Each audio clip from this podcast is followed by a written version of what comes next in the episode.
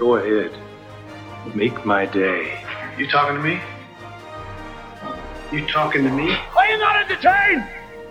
Are you not entertained? Uh, Sveicināti no Apple Lūgti podkāstā Kinokūts, uh, kas ir projekts, kurā mēs fanojam par kino kopā. Kinokūta podkāstā katru nedēļu mēs runājam par kino un ap kino, bet kino kūta speciālo podkāstos, kā jūs droši vien atpazīstat jau pēc šīs balss, uh, kuras es pagaidām vadu, tad mēs uh, satiekamies un parunājam ar ļoti interesantiem cilvēkiem, kas ir saistīti tādā vai citādā veidā ap kino, par kino, un kas mums izstāstīs kaut kādas interesantas stēles par to, kā top kino. Ja tas ir tieši tas, ko jūs vēlaties dzirdēt. Šo podkāstu atbalsta arī LMT vietējā vīzija, par ko viņiem milzīgs paldies. Bet šodien pie mums ciemos ir īpašs cilvēks. Mēs esam sagaidījuši nu, pēc vairākām reizēm, kad mēs esam runājuši, un kurš nav, kurš nav arī bieži Latvijā. Uh, Inga Jerzjukova. Inga Jerzjukova, es gribēju pateikt, atkāpja, ka mums ir vairākas reizes nevienu, bet vairākas reizes ir lūgts, vai tu atnāc pie mums podkāstu.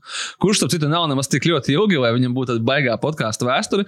Un, kas ir interesanti, tad tie nav kaut kādi tavi draugi un paziņas, kas ir sūtījuši. tie visticamākais cilvēki, kuri tev nav pazīstami. Tāpēc, ka pie mums tas bija nācis tā, ka uh, ir sūtīts uh, kinokots ostīkos, kad uh, uztaisiet, uh, pasauciet to, to meiteni, kas liek Instagramā visu laiku, kad viņi ir on set un visu kaut kādās, kaut ko filmē, un es nezinu, kas tas ir, un izklausās interesanti un izskatās tā kā tā. Nu, es uzreiz sapratu, ko iet runa. Tas, ka man liekas, ka Latvijā nav daudz tādu cilvēku, un uh, tu esi noteikti viens no viņiem, kas liek bildes no tā skaitā ārzemju filmu setiem, kas mums ir uh, ļoti, ļoti, laikam, varbūt tikai pēdējā laikā ir biežāk, tik daudz, vai, vai arī tas ir bijis vienmēr, mēs vienkārši neesam pamanījuši. Bet tad tu viss izstāstīsi. Es personīgi Ingu pazīstu kā DJ un cilvēku, kas taisa brīnišķīgas mūzikas playlists, no kurām es zogu mūziku priekš savām playlistēm ļoti bieži vien. Nesakot paldies, tā kā es saku paldies tagad. Bet, jā, Inga, uh, Inga izstāsti mums uh, vispirms, uh, pirms mēs pāriesim pie taviem projektiem un, un visiem interesantiem insightiem. Izstāsti, ar ko tu nodarbojies šobrīd un kā tu pati sevi apzīmētu. Vai man nav jājaucās? Okay. Sveiki visiem! Pirmkārt, paldies par garo ievadu. Es Es baigi ilgi domāju par to, kā lai es varētu saukt, un es tieši ar savu kolēģi vienu runāju, ka es nekādā gadījumā negribētu, lai jūs mani nosaucat par producentu. Okay. Jo es vēl neesmu, iz, nu, es neesmu izaugusi līdz tam, un tas būtu ļoti tā. Uh, ja, ja, piemēram, reklāmās esmu producējusi reklāmas, tad um, tur es varētu skaitīties kā producente, bet uh, mans amats un tas, ar ko es nodarbojos šobrīd, un kas man arī visvairāk patīk, ir production manager. Es nezinu īsti latviešu, kā to nosaukt. Uh, ražošanas menedžers. Koordinators, nu, koordinators nē, neizklausās labi uzreiz. Ne? Nē, nē, nē, nu, bet, bet nu, tā, angliski saucot, tas ir production managers.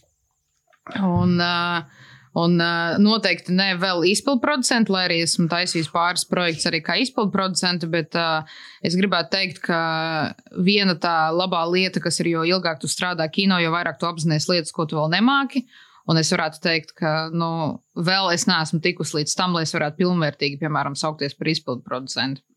Okay. Tad līdz ar to produkcijas menedžera droši vien būtu tas īstais apzīmējums. Tas nav, tas nav tas moments, varbūt mazliet off-topikāk par to, ka tie, kas ir sākti ar kino, viņam jāiemācās ir uh, žargons, ja tas lingo, kas ir starptautiskais. Tāpēc, ka man liekas, tur ir bijusi problēma, kur ir, kur ir bijusi tā padomju sistēma, kurā ir bijis, piemēram, filmas direktors. Tas nav kaut kas ļoti līdzīgs. Tas amats tas nav režisors, tas nav producents. Bet vienmēr Jā. visās padomju filmās ir filmas direktors, kas īstenībā ir tāds, nu, kas ir. Tā, ka... Man šķiet, ka tas ir producents. Jā, ja... man šķiet, okay, ka varbūt. tas ir producents. Jā, jā, jā. Un, un, un tad ir tas, ko mēs uh, esam iztolkojuši no, no šiem ārzemju nosaukumiem, kur ir tieši tā, kur ir producents, izpildu producents un, un daudz nesaprot, kur ir tā starpība. Un, jā. un associate producer un tā tālāk. Tā kā labāk, labāk uh, saukt to visu. Nē, nu tas, ir, tas ir arī tas, ko ļoti bieži cilvēki nesaprot. To, ka viņiem šķiet, ka executive producer ir izpildu producents. Tāpēc, ka viņš eksekūto. It kā, bet executive ir. Es viņu sauktu par virsproducentu. Nu, kaut kā es pat nezinu, kāds ir tas oficiālais tas termins, bet tas ir tas, kas, iet, kas ir piesaistījis to naudu, kas ir tas pats, pats, pats. Izpildu producents ir kā line producer angliski. Okay. Aha, skaidrs. Tad es pat biju par šo jaucies. Okay, labi, man liekas, ka eh, man būs pašam pirmajam jāņem tas, kad man vienkārši, es zinu, ko tie termini nozīmē. Tā kā teiksim, co-producer un tā, bet uh, tad tu sāc runāt latviešu, un tad momentā dažs vien sajauc kaut kādā brīdī, kas tas ir. Ok, tad tu esi um, production manager. Jā. Labi, tad tā, tas Jā. ir paliek. Uh, Pastāst, kā tu, kā tu nonāci līdz production manageram? Uh, kas ir uh, ar to domājot, pirms tu nonāci kino? Un, uh, un kas ir tava izglītība? To mēs jautājām vienmēr viesiem. un Kā tas tev ir palīdzējis, vai nav palīdzējis, vai ietekmējis nonākšanu kino industrijā? Um, es, uh, kad es pabeidzu pirmo gimnāziju, tad es domāju, ka es uh, nenormāli gribu iet strādāt uh, un studēt reklāmu. Kaut kāpēc man bija šķitis, ka es būšu ļoti radošs. Un ka tas ir tas veids, kā menedžmentu padarīt radošu. Es nezinu, kāpēc man tā bija šķits, bet uh, tad kaut kā vecāki man tomēr uh, bišku uzstāja, lai es izvēlos, uh, izvēlos ma, jo, nu, matemātikas skolu, matemātiskāku novirzienu.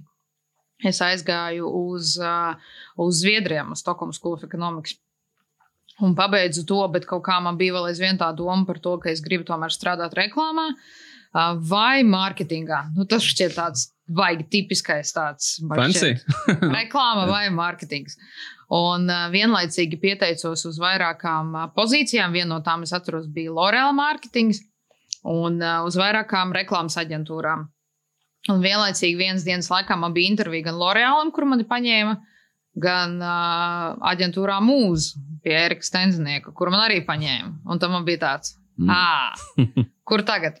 Un, un, es uzreiz izvēlējos, ka es iešu reklāmā, jo tas kaut kā vienmēr man ir sēdējis iekšā, ka tā, ka tā reklāma man patīk. Un es uh, biju tur, sāku tur strādāt kā jaunākā projekta vadītāja. Un nostrādāju tur kopumā trīs gadus. Un, uh, kā es nokļuvu pie producēšanas, jo visi vienmēr tā jautā, kā, bet nu, tas tāpat ir diezgan tāls ceļš, projektu vadītājs reklāmas aģentūrā, un tad pēkšņi tu, tu strādā kino. Un tur bija viss baigi vienkārši, un man ļoti noveicās, ka, ka es sāku strādāt tieši tur, jo visas reklāmas, Erikam bija tāds uzskats, ka mm, nevajag tērēt naudu, maksājot procentus producējušiem uzņēmumiem, ja mēs varam uztaisīt visu reklāmas paši, jo mēs jau arī spējam saorganizēt tur kameru, sarunāt, sarunāt aktierus, sarunāt grimētājus. Un tajā brīdī projektu vadītājiem papildus tam ja tiešajiem, darba pienākumiem, paralēli mēs sākām arī, uh, un tas nevis sākām, tas vienmēr tur ir tā bijis. Es vienkārši pievienojos tai komandai, un es arī pamazām sāku organizēt um, reklāmas. Un tas viss sākās ļoti vienkārši ar tādām ļoti mazām reklāmām, kā piemēram, mūsu pašu fotogrāfs būs operators, mūsu pašu radošais direktors būs režisors, bet mums te vajag pāris aktierus. Un tad tev tāds, hmm, kur lai dabū aktierus? Okay, ir kaut kādas casting aģentūras, izrādās. Tad tur piezvanīja casting aģentūrai, dabū aktierus. Nākamreiz tur pasakā, mums vajag arī grimētāju. Tad tur ok, tur dabū kaut kādus kontaktus grimētāji. Pēkšņi pasakā, mums vajag operatoru, mums vajag tehniku. Un pamazām, pamazām no tādām ļoti mazām, tur burtiski tur pāris tūkstošu vērtām reklāmām, tu atopies, ka tu tagad organizē milzīgas tur CSDD kaut kādas kampaņas, un tev ir tāds ok, nu kaut kā pašapmācības ceļā. Es to, visu, es to visu apguvu. Man ļoti palēmēs ar to, ka man bija, bija un ir superīgi kolēģi un kolēģis kur ļoti daudz man palīdzēja. Man īstenībā ļoti daudz palīdzēja Reinas Straidās, jo mēs ar viņu, man šķiet, uzfilmējām mūsu laikā lielāko daļu no reklāmām kopā. Un Reinas man ļoti palīdzēja ar to, ka viņš man stāstīja. Uh, daudz, daudz no tām lietām, ko es varbūt no, no kino un no vispār tās producēšanas pasaules nesapratu, viņš man palīdzēja ļoti daudz ko uzzināt un saprast, un kaut kā divi tā mēs izbūrāmies cauri, un, uh, un tad man piedāvāja pirmo filmu. Uh, mazliet atpakaļ uh, Zviedros. Jā. Tu mācījies, ko. Tur ir tikai viena programma viena - ekonomika un Ok, es pat- biznesa vadība. Okay. Un, un tas tu pabeidzi, un pēc tam tu gāji uz. Jā, jā, okay, okay, jā, tas, jā, tas tikai tā. Uh, iz- izklausās ļoti, ļoti interesants. uh, Interesants ceļš, ka kādā ziņā, nu, nevis gluži netipisks, bet uh, tas, ka, principā, tev, tu iemācījies uh, kaut kādas lietas, darot to pat īsti, nu, negluži nezinot, uh, ka tev tas ir jādara, vai teiksim tā, ka, tev, ka kāds ir iedevis darīt būtībā, nu, tā kā tādu produkciju darbu, bet tas likās, ka, ok, well, ja kas jādara, tas jādara. Nu, jā, nu, man liekas, organizēt, nu, organizēju filmēšanu. Nu, labi, nu, parasti organizēju maketu, Nu, jā, jā, tā kā organizēju tas filmēšanu. Nu, ko baigi nešķirās, bet projām tas jā. ir kaut kas cits. Bet īstenībā tas, tas man šeit ļoti labi parāda to, ka uh, nevajag kautrēties no kaut kādiem darbiem, ka, teiksim, ka, tev, nu, ka tu tā kā, kā tas nav tev jādara, bet varbūt nav tāda teiciena, ka tas nav jādara, ka tu vienkārši tās darīt, un pēc tam tu uzzini, ka, hei, es esmu paralēli, esmu izmācījies Jā. kaut ko, kas ir, kas ir kaut kas, nu, negluži pilnīgi cits, bet kam ir atsevišķs nosaukums un, un tā. Mm. Bet uh, man šķiet, ka man arī nenormāli tas, kas man nostrādāja, bija tas, ka tad, kad katru reizi, kad man. Uh, Jo strādājot reklāmā un filmējot reklāmas, tu jau bieži neatopies uz laukuma. Vismaz kā produkcijas cilvēks, tu neatop. Nu, Tu esi tur divreiz mēnesī, divas dienas mēnesī, tur trīs dienas mēnesī. Tu varbūt būsi uz tā filmēšanas laukuma. Pārējā laikā tu tāpat sēdi birojā un organizē to visu. Bet kaut kā man tik ļoti nošarmēja tā kino uh, dzīve un tā, tas laukums un tā komanda un tie cilvēki, ka es vienkārši, nu, man arī tur, no, no turienes izveidojas lielākā daļa no maniem draugiem, kas man tagad ir. Un, um, un kaut kā esot uz laukuma, es arī sapratu, ka es gribu to darīt, un es gribu, nu, un ka es gribu savu ikdienu arī pavadīt uz laukuma. Tas man šķiet bija tas pagrieziena punkts, kurā tad īstajā brīdī no aģentūras dzīves, jo man bija iespēja vai nu palikt aģentūrā, vai nu iet prom no darba un principā taisīt kino, un es izvēlējos iet prom no darba. Un, uh, un vienkārši strādāt freelancā, kas arī bija tāds baisais lēciens, bet, uh, bet es sapratu, ka nekas mani nepadara tik laimīgu kaut kādā darba ziņā, kā būt tieši uz filmēšanas laukuma. Cik mazliet off-topics, bet nu, īstenībā nav. Cik gadu vecumā tu izdarīji šo lēmumu, ka tu aizēji prom no apmaksāta darba un tu sāci pati plānot savu dzīvi un ienākumus? Man šķiet, ka tas bija 2017. gads, tas bija pirms trim gadiem. Tad man bija, tad man bija 28. Okay. Jā, Krūt. līdz tam, jā, līdz tam divas aģentūras, seši gadi. Uh, kas bija tas triggers, kas, uh, un, un, un kas bija tā filma, un kāpēc tieši šā, ka tu izdomāji, ka, ok, uh, nu, jo tomēr skaidrs, ka reklāmas projekti ir cik pāris dienu maksimums. Nu, tas tāds kaut kas tāds mazāks, un uh, filma ir pirmkārt nu, gan fiziski, gan emocionāli. Tas ir kaut kāds pilnīgi cits zvērs un, un ar ko citu svaru un tā. Izstāstījā par to, kas, kas bija tas. Kas bija tas? Nē, nu, man, bija, man bija tā ļoti interesanti. Sagadījās, ka pirm, pats pirmais mans kino projekts bija 7 miljardu gadu pirms pasaules gala. Un uh, man vienkārši piezvanīja Jānis Abele, režisors, un teica, ka man te pat tevi stāstīšu, ka tu te kaut kādas reklāmas taisi. Man ir vajadzīgs jauns cilvēks, kurš pa lielam uh, Uh, kurš pa lielām nu, neko nesaņems. No tā, nu, tas ir skaidrs, jo 30, 30 tūkstošiem uztaisīt filmu, nu, tur neviens neko īsti nesaņems. Bet uh, man interesē jauns, spēcīgs cilvēks, uh, kurš, kurš ir gatavs pieslēgties palīgā. Un, um, un, un, un man ieteica tevi. Un, uh, es paņēmu atvaļinājumu, lai uztaisītu to filmu, jo es paralēli tajā laikā strādāju aģentūrā TBVA kā projekta direktora. Uh, Es paņēmu atvaļinājumu. Viņam atvaļinājumu lai, es lai paņēmu atvaļinājumu, lai pastrādātu, aizbrauktu uz Franciju, pafilmētu, atbrauktu atpakaļ. Un, uh, un, tad, un tad man bija tā, ka es paralēli turpināju strādāt, bet man bija, piemēram, naktsmaiņas septiņiem miljardiem, dienas maiņas darbā. Un es, es tagad vairs tā nekad neizdarītu. Es nekad mūžā tā vairs, nu, tas bija rīktīgi traki, kaut kāds pusotrs mēnesis. Tāpat es, kā tas sākums, ka tu vispār nezini, ko tu dari, bet, nu, jādara, tad jādara. Jā, nu, tu vienkārši celies un dari. Nu, kā, jo mēs tur bija arī tā kā caterings bišku un tur mazgāju kostīmus pa vakariem. Un, nu, tur tas bija, nu, tas nebija tā, ka tu tikai un vienīgi tur dari savu producēšanu no darbiņu, sēdi pie datora, bet tu arī pēc cepums komandē taisi kafijas, braukā pakaļ cilvēkiem, pēc lietas tur uh, savāc aktierus, un tur nu viss pēc kārtas. Vai tur, vai pie šī projekta varētu teikt, ka tu biji galvenais producents? Jā, okay. jā, jā tāpēc, ka es uh, gan iesniedzu projektu, mēs dabūjām naudu, es visu piesaistīju vēl tur kaut kādus papildus finansētājus, visu, visu, visu. Jā, jā, iztērē to naudu. Bija, bet, bet, bet arī es saku, bet es arī biju šofers. okay. Nē, nē, nu, kā, jau, kā jau šādās, šādās projektos. 7 miljardi gadu pirms pasaules gala ir daudziem, es nezinu, kā jau tagad apzīmē, uh, es domāju, ka ļoti daudz zina šīs filmas autoru Jānis Abels, ka viņš ir filmas Jāgauda 94 režisors. Un uh, tur nesanāca tā, ka šīs filmas iznāca praktiski vienlaikus. Tur tā, ka viņš uzfilmēja šo, tad viņa ilgāku laiku pastāvēja. Bišķi, nu, tas, ka, kā, kas normāli ar tieši filmā, tu nezini, kad viņas izstāvēs ārā, īpaši tās ir tāda veida filmas. Man, zini, kā Inglīks, es, mēs esam ar tiem runājuši, es neesmu liels šīs filmas fans, bet man liekas, ka viņai varētu būt kaut kāds resurgence. Es nezinu, arī tā skaitā dēļ tā, nu, dēļ jāgaus kaut kādā ziņā, ka cilvēki sāk viņu discoverot. Viņi tagad ir palaisti visos straumēšanas platformās. Jā. Viņi ir arī mūsu atbalstītājiem uh, MTV televīzijā. Man vienkārši bija jāgatavo viņu sižets. Burtiski pirms nedēļas. Un, uh, okay. es tā kā vēl apsiestu jaunu skatu. Un padomāju, ka tas varētu būt tāds īstenībā, um, nu, tagad tā būs, tas ir kaut kāda vēl viena filma.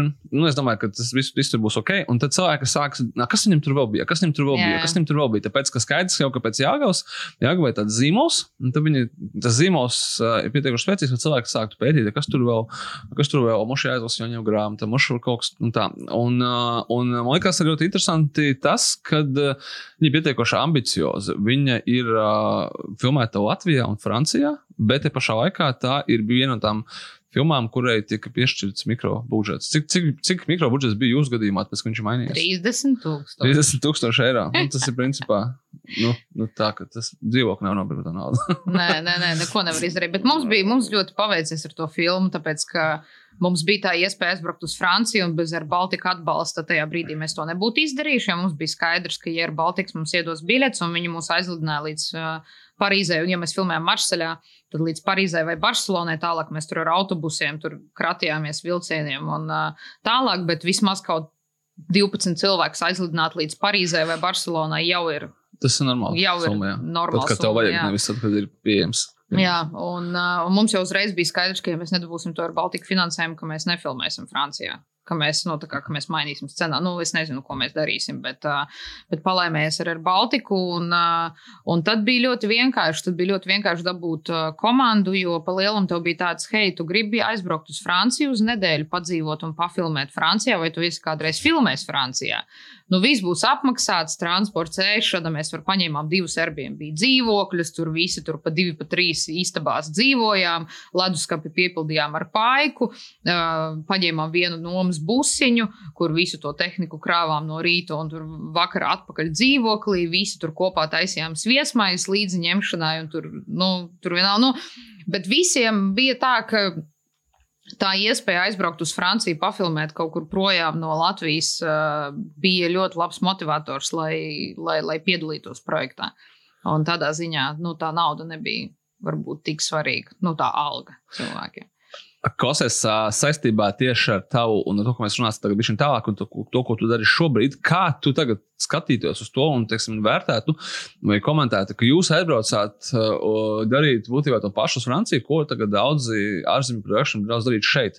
Jūs braucāt ar visu savu tehniku, jūs paši izdarījāt, ja jūs algojat vietējos cilvēkus, kā tas teiksim, notiek tādā gadījumā, kad tu strādā ar ārzemju produkcijiem Latvijā. Uh, mums bija tikai un vienīgi vietējais producents un vietējais franču valodas tāds tā kā, nu, viņš bija uh, third AD, uh, trešais asi režisora asistents, kurš palīdzēja ar aktieriem. Fiksers. Uh, jā. Nu, jā, bet viņš mūsu gadījumā bija tā, ka mums galvenie aktieri, kuri bija latvieši, viņi runāja franciski tajās ainās, un viņš bija tur, lai pārpačakotu viņu valodu, pamācītu viņiem, kurā brīdī vajag kurus uzsvarus likt, lai pastrādātu ar aktieriem tieši franču valodas ziņā. Un tas franču producents, viņš. Uh, Viņš mums sarunāja, uh, viņš mums sarunāja visus aktierus un lokācijas. Tas nozīmē, ka viņš bija tas, kur mēs fiziski bijām atbraucām uz turieni. Mums bija kaut kādi castingi, jo mums bija pāris franču aktieri nepieciešami un tā. Un, uh, viņš tad palīdzēja ar to tehniku. Par laimi, Jānis vinēja balvu ar savu īsfilmu, augstāk par zemi, un tehnika mums uh, pienācās pa brīvu tieši tā. Tieši tāpēc, Viņš arī mums- Francijas konkursā, pareizi, tāpēc tur tas tāds Jā. connections ir Jā, visā. jā, tieši tā. Viņš vinēja Francijas konkursu, un tad, tad līdz ar to mums bija tehnika. Tā kā tehniku mēs līdzi. Nu, mēs paņēmām kam, nu, kameras to bodiju, pašu, pašu kameru mēs mm -hmm. paņēmām līdzi, bet vispārējais, tā kā visi statīvi, visi tur objektīvi, visi, visi, visi bija vietējais no Panavision. Mhm. Krūti, inc- man šeit ļoti interesanti pieredze un tāda arī, tā kā, kad uh, droši vien, kad tev ir pirmā filma, tev iemet tādā Mm. pilnīgi, tas nav, nav tā kā filmēt Latvijā, nu, tā kā iekštelpā, nu, kur kaut kādā ziņā ir ko koordinējums un kontrolējums process, bet Jā. kaut kur lido, kaut kur nezinu, kur, nezinu kā. Bet arī ir, ir, baigi, ir arī baigi interesanti, jo tādā mazā komandā visi kaut kā, nu, tā ir nu, tāda tipiska studentu filma. Nu, pēc tāda visa, tā kā mēs viņu filmējām, mēs viņu filmējām kā tipisku studentu filmu, kur visi dara Visi visu, dara visu. visi viens otram Jā. palīdz, aktieri staipa statīvus, un, un visi tur tā kā nesājas kā traki, aktieri paši sevi ģērb, tur uh, grimē, tur kafejnīcā uz soliņa, tur kaut kur ārā un kur tur vēl ne. Bet, uh, Bet tas kaut kādā brīdī iedeva arī to pārliecību, ka es to varu izdarīt, jo uzreiz pēc tam es ņēmu bezalgas atvaļinājumu, pa- paturpināt to sarunu par to, kā, kurā brīdī es jau turpināju strādāt vēl pēc mm. tās filmas. Un uh, es paņēmu bezalgas atvaļinājumu, lai taisītu jēlgavu. Un uh, es domāju, ka, ja man nebūtu, un tā komanda bija ļoti līdzīga, nu, līdzīga vismaz tādā ziņā, ka bija tāpat pirmā režisora asistente un man ļoti laba draudzene Laura. Uh, un, un ar to atbalstu tu arī saproti, ka tu to vari izdarīt. Jo tajā brīdī, kad man pirmo reizi nācās dzirdēt filmas sakarā, tur, kas ir breakdowns un kas ir tur Days Out of Days un Movie Magicā savadīti tur uh, grafiki un viss pārējais, es, es biju tādā vieglā pārsteigumā, jo nu, reklāmā neko tādu vispār nav sakara. Tas nozīmē, ka, ja tev ir tāds pirmais projekts, kas ir tāds studentu variants, Un tā tu pamazām arī iemācies, un tad jau ar katru nākamo projektu paliek aizvien vieglāk un vieglāk. Kas ir Movie Magic? Tā ir grāmatvedības programma. grāmatvedības programma, nē, tā ir eh, kino programma. Jā, tur uh, vada iekšā scenāriju, un no tā scenārija uztaisa grafiku. Okay, tā kā filmēšanas grafika, naudas lietas kaut kādas. Vai, jā, jā, budžetings arī ir. Budžetings arī ir, jā, jā. Tā kā, ja jūs gribat uh, šādā kino labāk iemācīties movie magic, un tas šiem būs lielāks motivators jūs paņemt nekā nepaņemt. Nu, jā, jā, jā. Tev iepriekš uh, tas būtu arī mūsu vienīgais jā. kaut kādā gadījumā. Es vēl nemāku strādāt, par viņu ir jāmaksā, tā kā tas ir vēl viena lieta, es vēl aizvien nemāku strādāt movie magicā, bet uh, ar laiku.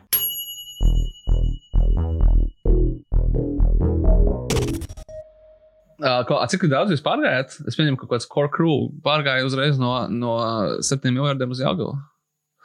Tur bija, ja ar Jāgaunu bija tā, ka, ja es pareizi atceros par šo projektu, tad uh, viņu iesniedza tas pats Ābels. Pareizi. Jā. Tad viņam neiedeva, neiedeva finansējumu. Jā. Tad viņš uzfilmēja 7 miljardus. Tad viņam iedeva finansējumu. Parovēl.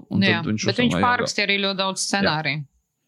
Nu, tāpēc, ka viņam neiedeva finansējumu, Jā. un tad tev ir tāds tev neiedod finansējumu, tāpēc, ka tur kaut kas, kaut kas, kaut -hmm. kas, kaut kas, un tad tev dod to laiku parakstīt. Parakstīt scenāriju. Bet es atceros, kurā brīdī tas pat notika. Mēs bijām uz 7 miljardu filmēšanas laukuma.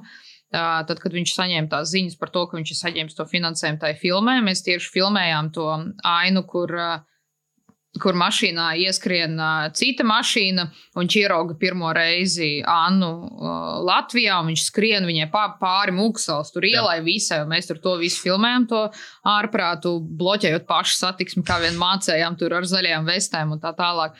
Un tad viņš uzzina, ka viņš vinnēs to finansējumu. Es atceros, ka viņš apgulās savai mašīnai uz kapota, tajā tādā čokuriņā sarāvies.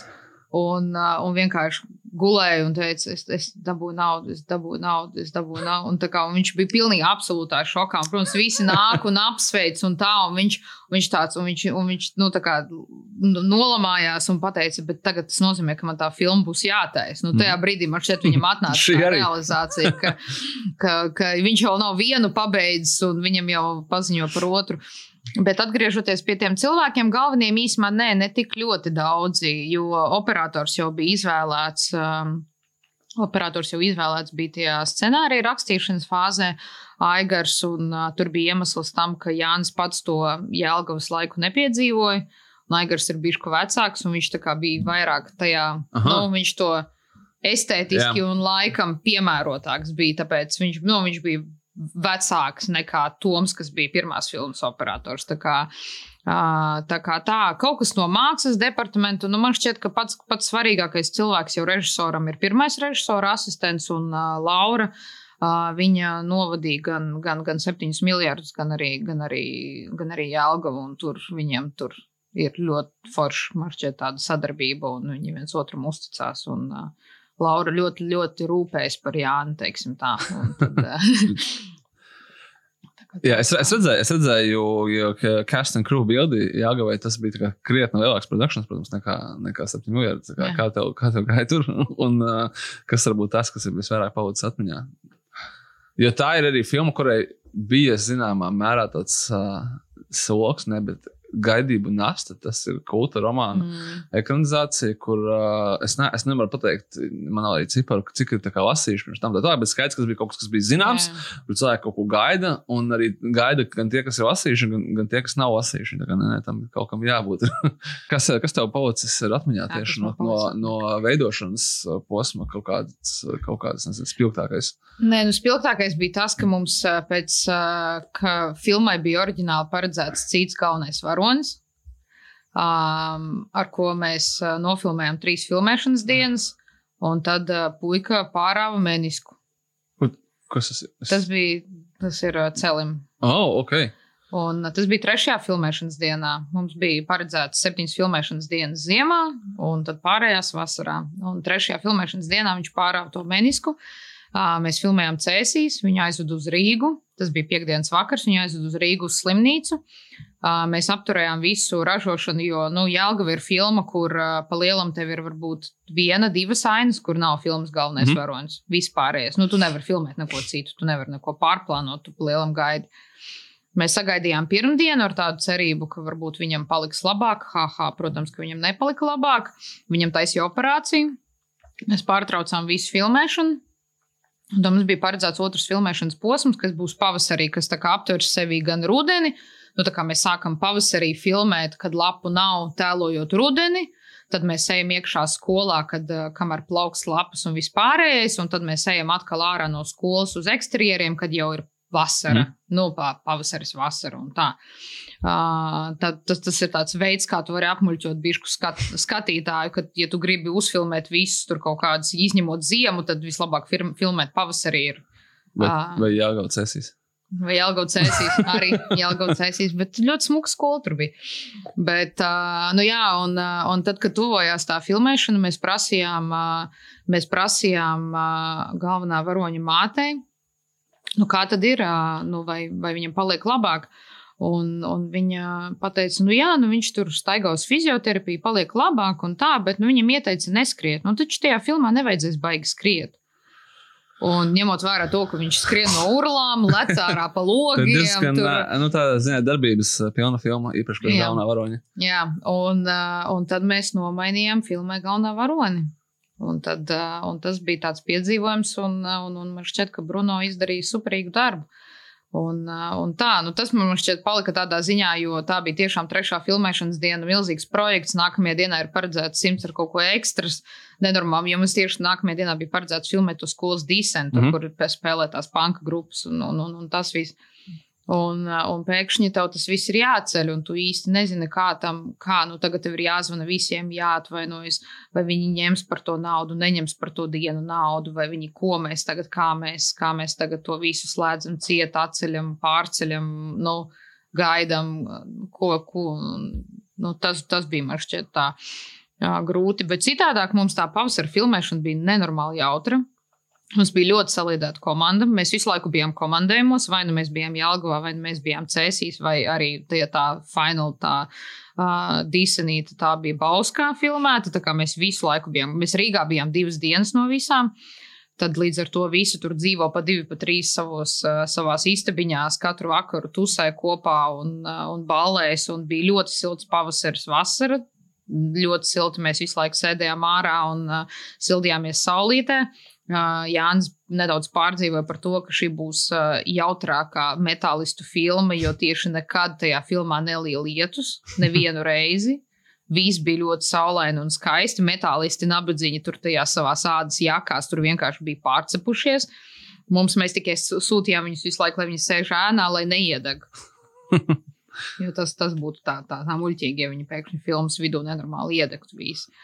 Bet, bet man šķiet, ka bija ļoti jautra, ļoti, ļoti jautra filmēšana. Protams, ka tur viss kaut kādi interesanti, interesanti atgadījumi un ainas, piemēram, tad, kad nāve bija uz astotā stāva jumta, tad, kad viņš skatījās pāri tajā malai, kā mēs filmējām to visu ar visiem drošinājumiem, un tad pēcapstrādē dzēsām ārā tur tās virves, ar kurām viņš tur ir piestiprināts. Un, uh, Un kā Bruno leca no trešā stāva loga iekšā batutā, lai, lai it kā viņš salauž to kāju. Un tas viss, un tas bija interesanti, jo ar katru tādu reizi tev, un, un tas man patīk kino, ka ar katru reizi, kad kaut kas tāds ir jādara, tu vienkārši tam pieeji kā tādai kārtējai, tādai foršai problēmai, kas ir jāatrisina. Nu, vat, Operators ir iecerējis, ka tas kadrs būs, ka mēs redzam, kā nāve ir pārliecies pāri jumta malai un saka, tur es tulīt nolekšu, vai ne? Un, un tu uzreiz sāc domāt, okay, kā mēs tehniski šo kadru varam izrisināt, kā mēs varam drošības ziņā, un tad tu sāc runāt ar cilvēkiem, runā ar alpīnistiem. Tad tu tur noskaidro no tehniskajiem, tur, kā viņi taisās kameru stiprināt, kā tur ko, kā ko, parunā ar VFX, kā viņi taisās to kadru tīrīt, parunā ar kostīmiem, kā izdarīt tā, lai mēs nesaplēšam kostīmu, tad, kad mēs to stiprinājam, viņam liekam klāt. No, nu, tā kā ar visiem departamentiem, un tad tu pamazām tu redzi, kā tas sajiet kopā, un tie ir Tikai daži filmā ir tādi monīšoti, par kuriem tu tiešām vari uzskatīt, ka vot, tas ir tas kadrs, kuru mēs īstenībā jūs neredzat. Viņš var būt trīs sekundes, jūs pat varbūt nepamanāt, bet tas īstenībā ir monīšo, tāpēc ka mēs esam ieguldījuši nedēļas laika un sapulces un naudu un visu, lai to vienu monīšotu uztaisītu. Un tad, kad tu redzi to pēc tam ieliekam filmā, tad tāds, jā, šī bija, vat, bija tā vērts. Ja zināšana, tas vienkārši kāds, kurš ir, viņš ir pār, pārliecis pāri jā. jumtam un saka, es to nolaišu, un that's it. Un kā, jā. kas tur, kas tur jā, īpaši? Uh, uh, kas nozīmē, ka tie manī šoti, to, ko mēs saprotam ar manī šoti, nevienmēr ir tas, ko, ko production saprot ar vārdu manī šots. Tādā ziņā, ka cilvēks jau tikai redz to, ko tur, nezinu, tur kaut kas, kaut kas ļoti iespaidīgs tur uz ekrāna, bet, uh, bet citreiz tas, tas vienkāršais ir pats sarežģītākais. Kā, ne, ne, es, es nezināju par to, ka to, to galvenā varoņa nomaiņu šādā formātā, bet, bet viss ok. Tas izklausās pēc tā, ka katrs projekts ir tāds, kur tu sāc strādāt. Tad viņš ir ok, bet ļoti labi, ļoti labi tu pateici, ka tā vienkārši ir problēma, kas ir jāatrisina. Nu, jā, jā viss kārtībā viņš dabūja Kristap par to filmu. Kā, tas kaut kādā ziņā nomierināja droši vien visas sadedzinātās nervu šūnas par to, ka ir iedot lielā filma un, un tad pēkšņi galvenais varonis ir jānomaina. Jā. Nu, jā. Klausies, pēc tam, ejot tā chronoloģiski, skatoties pēc savas filmogrāfijas, tev ir ļoti daudz ārzemju projekti. Es domāju, kādā veidā, bet tu droši vien pat izstāstīsi, kādā veidā tas ir tev pārgājis, ka tu sāc strādāt pie, pie ne, ne pašmāju filmām, bet pie filmām, kuras tiek filmētas Latvijā. Jā, uh, nē, tur īsumā tur bija, vat, tā bija tā, tāda īstā sakritība, īstā sakritība, un, uh, un tur ir ļoti svarīgi tam ka vienmēr ir jāmēģina izdarīt uh, labākais, ko vien tu vari izdarīt, tāpēc ka tu nekad nevari zināt, kad tev kāds tieši tā iemesla dēļ kādam kaut kur ieteiks, kāds par tevi kaut kur kaut ko padzirdēs. Jo taisot Jēlgavu, um, mana tā kolēģe Laura izstāstīja vienai citai kolēģei Madarei, kura bija. Da, kur tajā brīdī strādāja pie tās filmu projekta Suņi nevalkā bikses, jeb Dogs Don't Wear Pants. Uh, Uh, viņa meklēja koordinātoru, un viņa man piezvanīja. Tas arī bija tas brīdis, kad man nācās pieņemt to lēmumu, iet prom, tāpēc ka es biju paņēmusi bezalgas atvaļinājumu uz pusgadu, lai taisītu jēlgavu.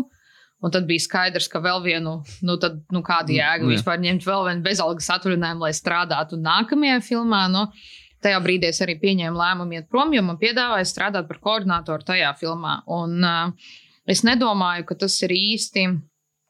Es nedomāju, ka tas ir īsti uh, tāda sakritība par to, ka es strādāju vairāk ārzemju projektos. Man šķiet, ka tā sakritība vienkārši ir tāda, ka ārzemju projektos vajag vairāk cilvēku. Mm -hmm. Jo mums ir pierasts, ka noteiktas producējošās kompānijas strādā ar noteiktiem cilvēkiem. Un, un viņiem kaut kā vienmēr gribas arī ņemt tos cilvēkus. Ja vien viņi ir pieejami, viņi vienmēr ņems viens un tos pašus cilvēkus.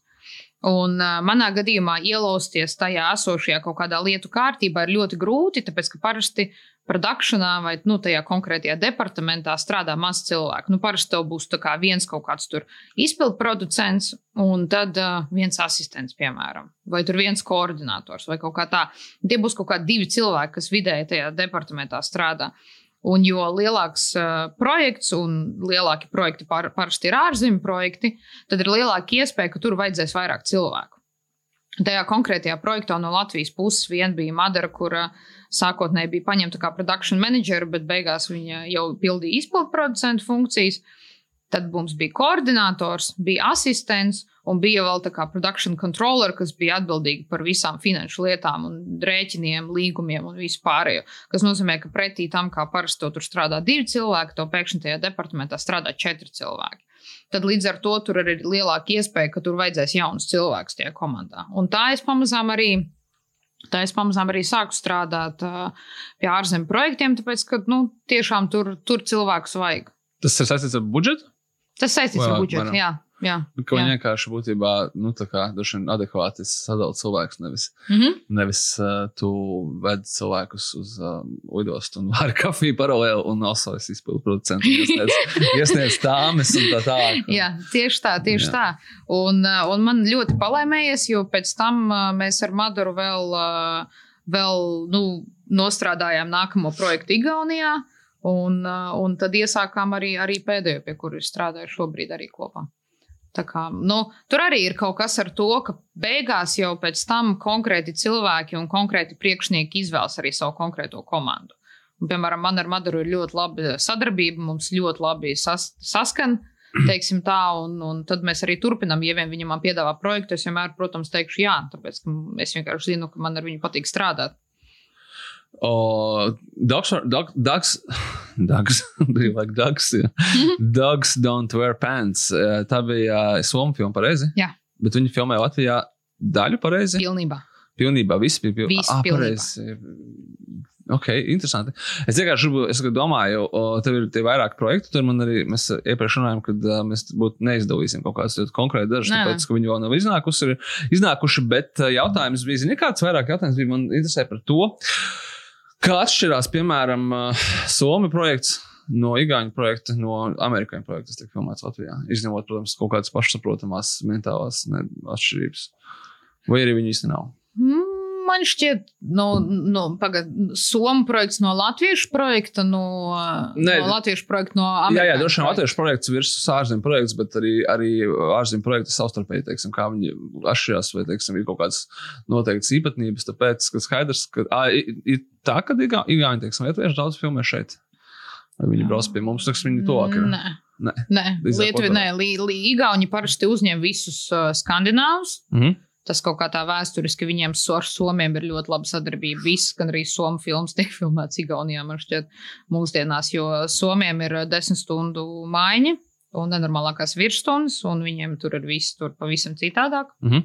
Un Igauniem tajā pašā laikā 12 stundu maiņas, viss ir lētāk. Viss Nu, viņam ir foršāk. tad arī emocionāli saikne, viņš ir savstarpēji. Mhm. Bet kāpēc, Mhm. teiksim, kāpēc tad uh, Dogs Don't Wear Pants ir uh, Latvijā? Nu, tas ir producentu darbs, un tur es vairāk arī, nu, ņemot vērā arī manu to pozīciju, es tur biju kā koordinators. Koordinators uh, īsumā pērk uh, avio biļetes, uh, organizē transportu, organizē viesnīcas, uh, organizē dzīvokļus, meklē un visu menedžē tādu labklā, komandas, ārzemju komandas labklājības menedžers.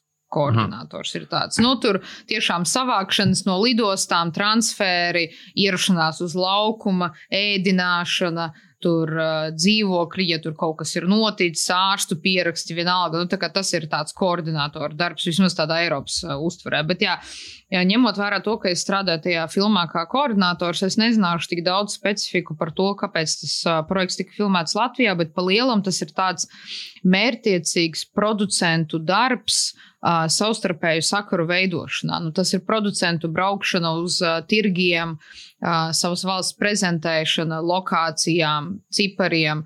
Ļoti liela nozīme ir arī tai cash rebate sistēmai, kas ir tā nodokļu atmaksas sistēma, kas ir um, uh, no ārzemju projektiem, kas uh, tiek filmēti Latvijā, ka viņiem noteikti daļa nodokļu tiek atgriezti, ja viņi iztērē konkrētu summu Latvijā. Nu, tas ir tāds mērķiecīgs producentu darbs, un man šķiet, ka tādā ziņā varbūt uh, kaut kādā mērā, kāpēc Igauniem ir vairāk projektu, ir tas, ka viņiem tie producenti kaut kā viņiem ir ciešākas saiknes tiešām, viņiem ir ciešāki savu sadarbības partneri ar tiem pašiem somu partneriem, un tad, uh, ja viņiem nāk jauns projekts, viņi uzreiz uzraksta vienkārši savam čomam Igaunijā, hei, īstāmē, nu, davai, taisam kārtējo projektu kopā, un tā kaut kā viņi nu, viņiem ir man šķiet tāda inerce atgriezties pie esošajiem sadarbības mm.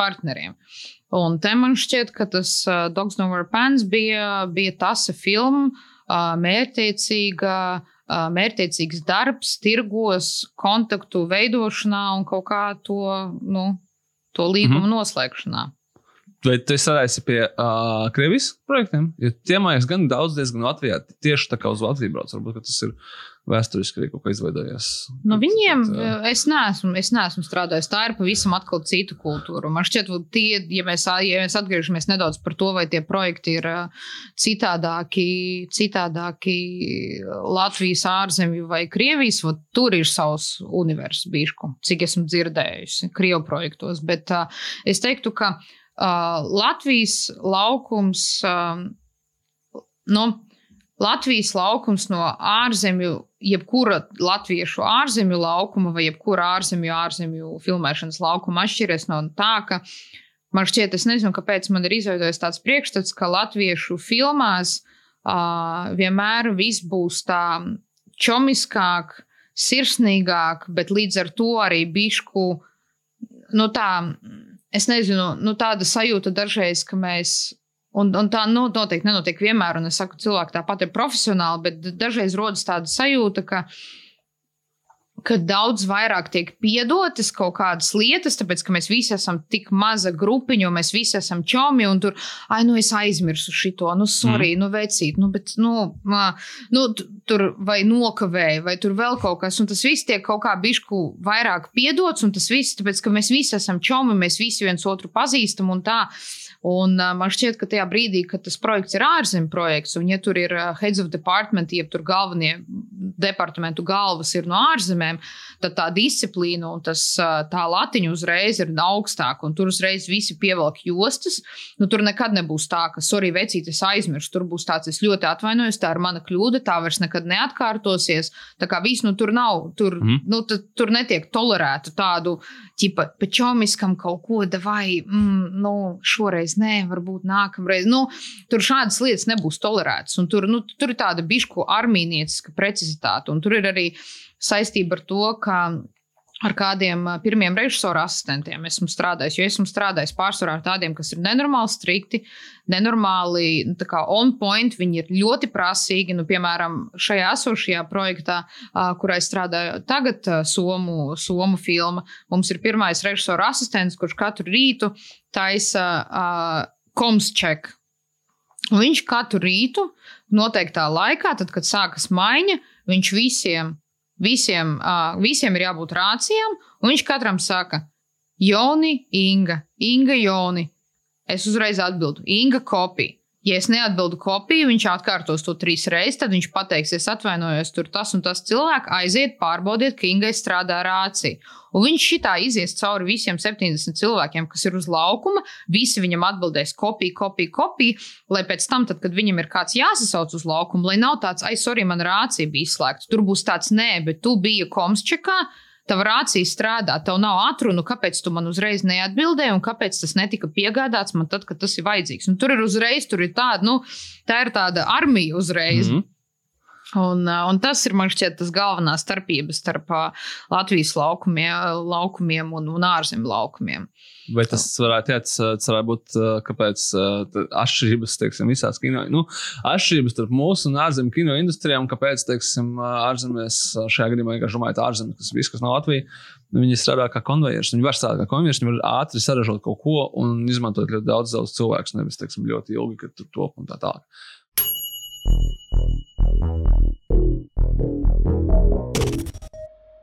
Tev ir tāds filmogrāfija projekts, kurš domāju, ļoti daudz. Es nezinu, cik daudz kino kaut podkāstu klausītāju viņu skatās. Es domāju, ka no visiem, ko tu esi taisījis, viņi skatīsies visvairāk cilvēku. Nu, tā kā by far. Un tas ir um, A- ASV tele, telekompānijas ABC realitātes šovs Bachelorette, jeb uh, vecmeita. Vecmeita, jā. Kurai, Pareizi. kurai filmēja divas sērijas Latvijā. Nu, īsnībā tā bija viena sērija. Vienīgais bija tas, ka viņi bija, die, diemžēl, tās drāmas ā, iekšienē, kas bija tajā projektā, nu, kas nebija tajā projektā, bet tajā pašā tajā plotā. ā, Viņi tika sadalīti uz divām sērijām. Īsnībā tā bija paredzēta kā viena epizode, uh, Bachelorette ierodas uz Latviju. Jā.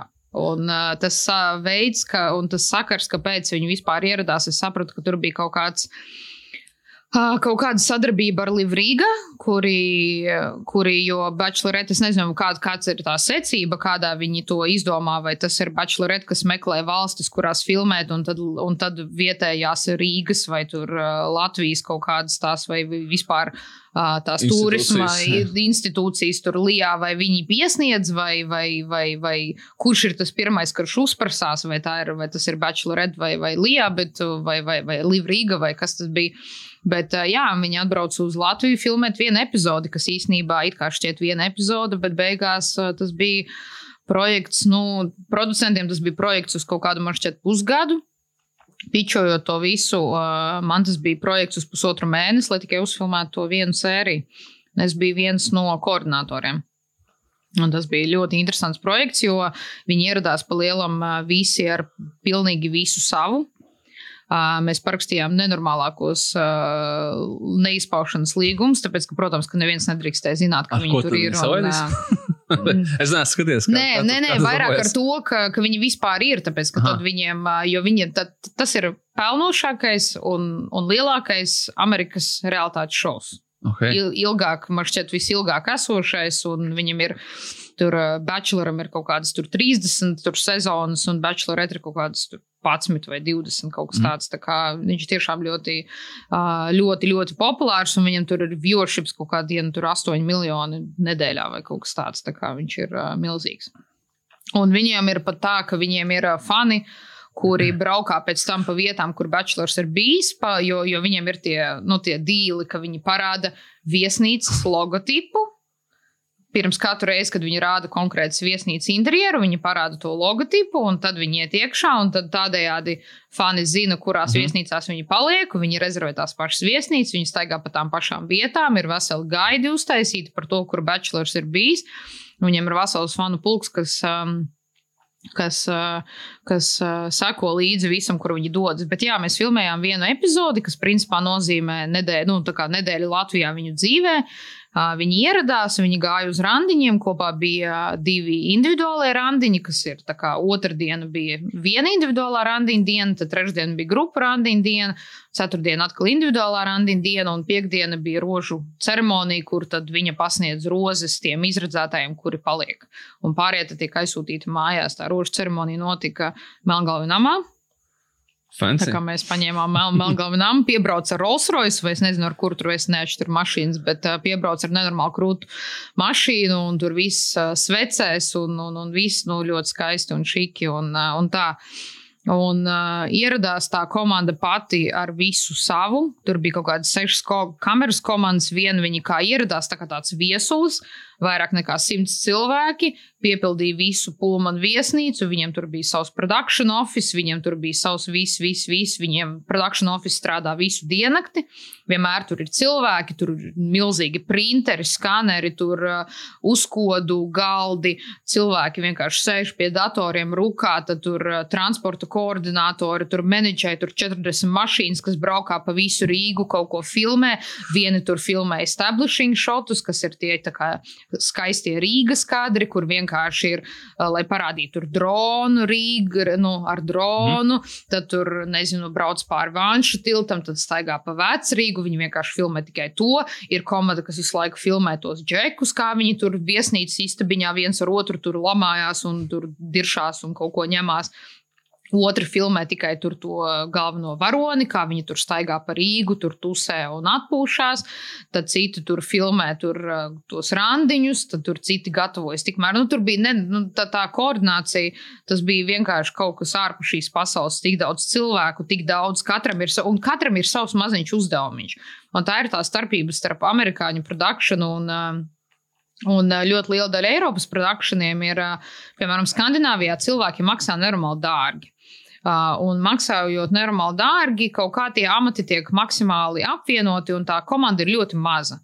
Nu, tur vidē būs uz laukuma kaut kādi 40 cilvēki, 50 cilvēki, lai kaut kā, un viņi mēģinās visu tur darīt paši. Tur produkcijas asistenti būs arī šoferi, uh, kuri no rīta savāks daļu no komandas, atvedīs uz laukumu, tā mums tādā ziņā mums ir tā, mums ir šoferis, šoferis, Produkcijas asistents, produkcijas asistents. Mēs viņus tā kā sadalām. Bet Amerikas tajā produkcijā, kas bija interesanti, bija, ka Viņiem tiešām ir katram, uh, katram katrai lietai savs, savs cilvēks. Un tev tur būs- labākais. Jā, jā, jā, bet viņš darīs savu mazo šauro Mhm. lietiņu, mm -hmm. un tad būs viens cits, kas darīs kaut kādu citu šauro lietiņu.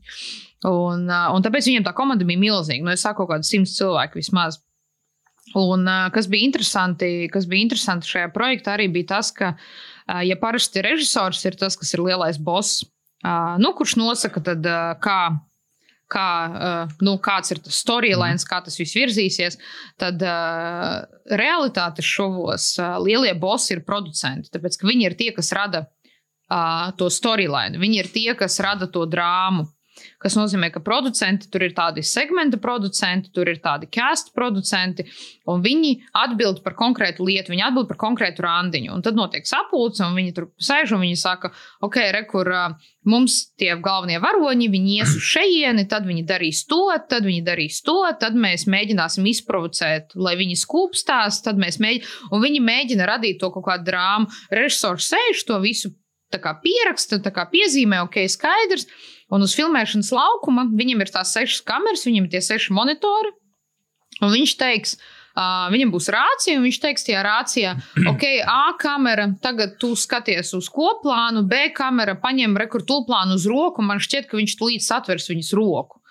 C kamera, vai piefilmējam rekurs sveču, tur tulplānu, lai varētu iemontēt. Un viņš reāli menedžēs, kurā virzienā skatīsies, kuras kameras, lai pēc tam varētu no tā uztaisīt stāstu. Bet tas pats, tas process, kas tur notiek, tas ir producentu atbildība. Kā mm. viņi, ko viņi grib darīt un ko viņi grib, kur viņi grib, lai tas stāsts virzās. Un tā ir man šķiet tā lielā starpība starp realitātes TV. Un, un, un kino ir tas, ka tu nevari arī paredzēt, kas notiks. Mums bija tādas situācijas, kad uh, pēkšņi viens no varoņiem izdomāja, ka viņš tagad ies dziedāt serenādes pie viņas loga, un mums jau visiem tā kā, kā darba diena beigusies. Es domāju, viņam visi- pateica. Nu, viņam pateica, viņam, viņam, viņu Iete- sakūdīja, viņam, sa, viņu sakūdīja, viņu sakūdīja bišķi uz to. Un, un tad viņš tāds, jā, varētu iet padziedāt viņai serenādes. Un mums it kā darba diena jau beigusies, un pēkšņi mēs bariņš cilvēku skrienam tagad uh, filmēt to, uh, pēkšņi ir kamera, pēkšņi mēs skrienam pāri ielai, lokācijas tur bloķē to ielu, tāpēc, ka mēs skrējām pāri Valdemāra ielai vakarā. Pēkšņi visi jābloķē, pēkšņi tur kā mums ir tāds, ka- kas no mums vēl ir, vai nu, tā kā jūs varat pabrīdināt, viņi tādi, mēs jau nekad nezinām, kad kaut kas tāds notiks, un dažreiz vienkārši notiek tādas lietas. Un tā mēs nedēļu viņi kā viesulis atbrauca, uzfilmēja, aizbrauca, un pēc tam aizbrauca prom, un ir tāds, kas tikko notika. Ko mēs tikko izdarījām? Šis ir, šis ir, manuprāt, es teiktu, viens no interesantākajiem stāstiem, tāpēc, ka, pateikšu tā, ka es domāju, ka es varētu arī pārstāvēt uh, lielāko daļu klausītāju, kad Bachelorette uh, 15. sezonas 8. un 9. sērija kaut kas, ko tu skaties, nu, uz paģirām svētdienas rītā, tas ir pilnīgs trash entertainment, kā, nu, tam nav nekādas vērtības, tas nav kino, tas ir nothing, tas kā, nu, kad tu skaties, tu tā tā, bet uh, tu nekad neiedomā, vien, tas, ko tu ne, nekad neiedomājies, ir kāds tas process, kā tas viss top. Tā pašā laikā, teiksim, tu tikko stāstīji, arī kā jums bija tā filma un tā filma, un tur bija maza komanda, un tur bija lielāka komanda un tā tālāk. Bet uh, šeit, kur bija by far masīvi daudz lielāka komanda nekā jebkur citur, tas, tas vienkārši tas nenormāls asarās mehānisms. Bet, ņemot vērā, ka tas saturs ir tik ļoti trešs, un viņš ir, uh, tu nekad neaizdomājies par to, kā, kā viņš top, tāpēc, ka tu uzreiz Jā. kaut kādā ziņā galvā sev noniecini. ka Tas, nu, kas tad tur tāds tur, ir, nu, tur aizgāja, nu, tur kaut ko tur. Kaut kā. Bet, jā, jā, bet, bet, ā, bet ne, tur, tur arī bija piemēram, ļoti interesanti tas, ka viņi filmē, ka viņiem ir divas, divas neatkarīgas komandas, uh, producentu, nu, tā kā pa lielam. Uh, Uh, nu, jā, producentu komandas. Un viņi filmē tā, ka viņi, viņi gatavo pi, Viena komanda gatavo 1, 3, 5, 7, 9 sēriju, otra gatavo 2, 4, 6, 8, 10. Un viņi visu laiku ir tā, ka tie producenti pārlec, jo viņi visu laiku ceļo kaut kur. Nu, tagad vairs Covidā viņi neceļo, bet uh, tad, kad viņi ceļo, tā viena producentu komanda, piemēram, ierodas Latvijā, viņi gatavo Latviju. Tikmēr jau nākamā komanda jau ir Amsterdamā, gatavojot Amsterdamu. Tad iebrauc galvenā filmēšanas komanda kopā ar aktieriem mm. un visiem. Viņi uzfilmē vienu, viņi pārlec uz otru, bet tie, kuri bija Latvijā, Viņi nedomā, jo tā producentu ko, tā komanda jau ir tur bijusi mēnesi un jau ir strādājusi pie tā. Tad tā producējušā kompānija, kur kā, strādā pie tās Latvijas sērijas, kamēr tie filmē Amsterdamā, jā. tie jau ir aizlidojuši tālāk uz, nezinu, Brazīliju. Un gatavo, jā, Jā. Ga, un, tas ir interesanti, kā viņi, nu, viņiem tur ir- tas ir tāda atstrādāta mašīna, Mhm. Ka mēģināt tajā pat iedziļināties. Mums bieži vien bija nu, tur tie kolšīti un visi tie grafiki uz kādām astoņām lapas pusēm. Tur, katra, tur ir A komanda, B komanda, C komanda, tur mākslas komanda, vēl kaut kāda komanda. Viņiem katram ir savs vārds. Tur ir Team Greg, Team Tom, Team. Un tev ir tāds, kas ir Team Greg, Team Tom, kas tie? Un viņiem ir tā, nu kā, nu, Tom, nu, tas ir mūsu rekords trešais operators. Nu, kā tu nezini? Un tev ir tāds, jā, jūs ierodaties uz nedēļu. Mums ir jāmēģina iebraukt jūsu sistēmā, un nu, viņiem viņi, viņi vien- vienkārši mauc. Viņiem tāds, tev nevajag zināt, kas ir Team Greg. Tev vienkārši vajag, lai viņam ir mašīna. Ar to pietiek. Nu, tā. Bet te pašā laikā droši vien šī ir fantastiska pieredze vietējiem cilvēkiem, paskatīties, kā tas viss darbojas un Jā. ko varbūt pasmalties, kaut kādas produktivitātes vai kādas lietas. Nu, ka, ķipa, tā kā, ka šitā īstenībā var un tā tiek darīts un tā tas strādā un nevajag izgudrot riteni un vajag vienkārši paņemt Jā, to, kas, to, kas strādā. Ko, vēl viena tāda fil tāda filma, kuru es gan domāju, ka gan būs dzird, eh, zināma uh, podkāstu klausītājiem un arī daudziem citiem, tāpēc, ka par viņu bija daudz arī ziņās. Tā bija uh, filma Warhunt ar Mikiju. Rurku. Nu, tas, laikam, ir tas arī, kas viņus tiek vairāk piesaistīts. Tur nebija tikai Mikijs Rurks no Nē. zināmiem aktieriem. Tur bija Jacksons Radbons, uh, kas ir viens no Twilight varoņiem, un, uh, un, un, un, un pagaida, ka Dievs uh, Tibu, Tibu, Tibo no, no Prison Break, tas bija Tibo. Roberts Nepers. Nepers, aktieris, jā. jā, Viņš jā. arī bija Latvijā. Jā, Viņš bija, jā, viņi Jā. visi bija. jā. Uh, šeit, uh, šeit mēs ārpus, uh, kamēr pauzē pārunājām, es īstenībā nezināju, es biju domājis, ka tā ir, uh, tā ir normāla tad, amerikāņu vai ārzemju, nu, nevar teikt amerikāņu, tāpēc, ka tas tā vairs nedarbojās. Jā. Bija mūvija, kur vienkārši atbrauc uz Latviju filmēt, tāpēc, ka te lētāk maksā. Izrādās, ka neizās, Nē. tā ir, tā ir vietējās, vietējās, uh, vietējās kino kompānijas forma pro filma, kas vienkārši ir, ir izman, eh, filmēta, tiek izmantot.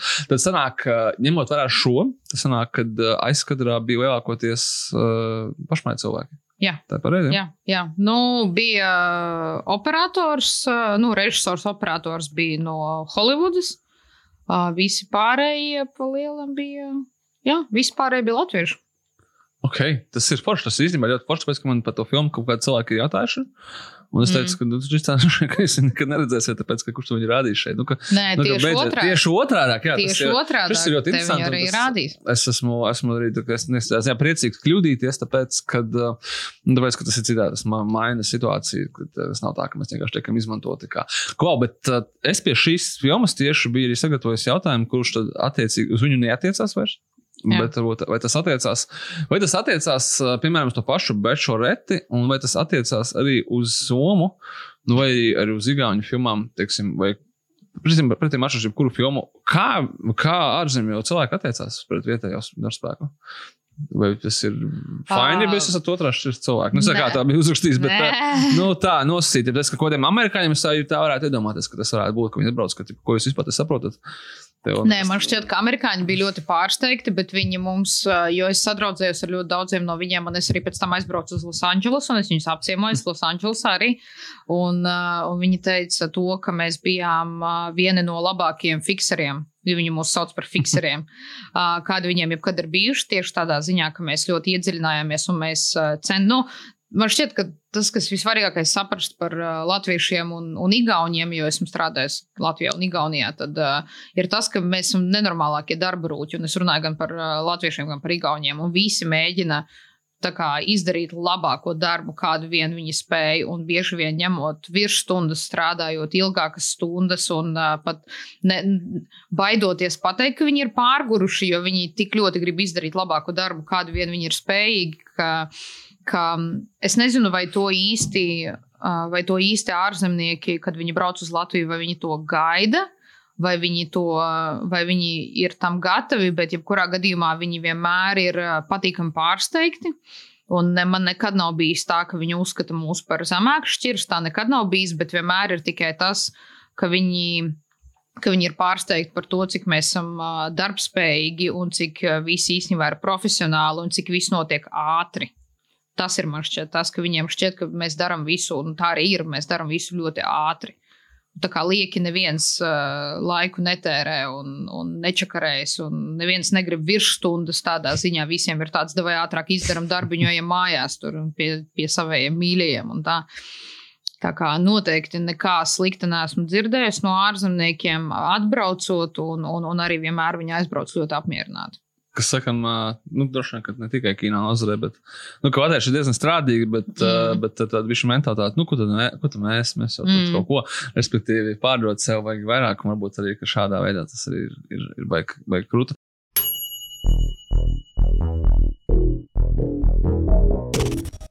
Warhammer filma arī bija tā, kuru, kuras būtībā filmēšana sakot rīktīgi ar Covid pirmo vilni, ar Jā. to, ka tas viss tika apturēts. Un likās ļoti interesanti, tāpēc, ka tu stāstīji, piemēram, ir piemērā ar Jāgavu, kur uh, viens šķietami kadrs, kur tur nu, cilvēks pārkrājas pāri malai, nu, kas tur ir, kā aizbrauc nofilmē, kā pārkrājas, bet, uh, bet īstenībā tiek plānots nedēļu. Un uh, izstāsti, kā, kā Uk kā ir uh, strādāt tagad, tāpēc, ka uh, produkcija ir atjaunojušies un, un filmēšana tomēr turpinās, bet skaidrs, ka jau ievērojot visas iespējamās uh, drošības, ies, iespējamās drošības pasākumus, kas noteikti neapšaubāmi apgrūtina, tāpēc, ka es iedomājos, ja tev veidīgi uztaisīt ātrumu mītīņu par to, kā tas cilvēks pārkrāsies pāri melai, tad tagad viņš jātais ir zūmā un, un tad sākās kaut kāda, tas vienkārši laiks, laiks tiek patērēts un miskomunikācija un tā.